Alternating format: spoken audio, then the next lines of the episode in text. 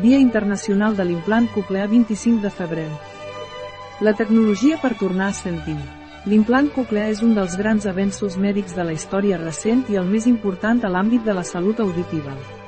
La implantació coclear és una tecnologia relativament nova que ha revolucionat el món de la deficiència auditiva profunda perquè permet percebre sons i entendre la parla a persones que no ho podien fer de manera natural. El primer implant es va realitzar a França el 1957, però la tecnologia no va arribar a Espanya fins al 1985, i fins al 1990 no es va autoritzar en un centre públic, l'Hospital Universitari de Salamanca, a dur a terme aquesta operació. En aquests anys, els implants han experimentat una gran evolució, cosa que ha permès crear processadors de so més petits, còmodes i eficaços, a diferència de l'audiòfon, que és un dispositiu extern que amplifica el so, útil per a persones amb pèrdues auditives lleus i moderades. Els implants coclears estan indicats per a persones amb hipoacúsia neurosensorial de severa a profunda. La raó és que, si el mal de l'oïda és massa greu, amplificar el so amb un audiòfon tradicional no soluciona el problema.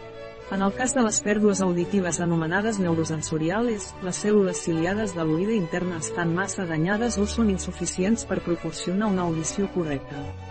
Els implants coclears funcionen com un transductor, transformen el so en senyals elèctrics al nervi auditiu, evitant les cèl·lules danyades. El nervi auditiu envia els senyals generats per l'implant al cervell i el cervell els reconeix com un so. Tecnologia punta Els implants coclears són dispositius d'alta tecnologia que consten de dues parts. La part externa, que és visible, consisteix en un processador de so, cable, micròfon i antena, i la interna és un receptor que es col·loca mitjançant cirurgia sota la pell, a l'os temporal.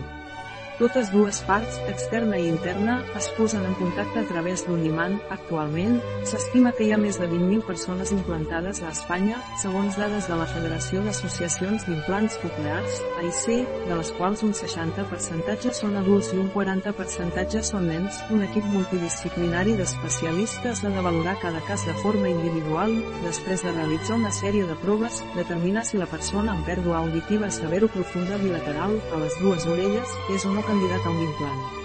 Està indicat tant en persones amb hipoacúsia congènita com per a aquelles persones que han perdut l'audició de manera soltada o progressiva. En nens amb pèrdua auditiva, especialment de dels que encara no han après a parlar, es recomana l'implant entre els 12 i els 18 mesos, ja que l'audició té un paper molt important en el desenvolupament del llenguatge.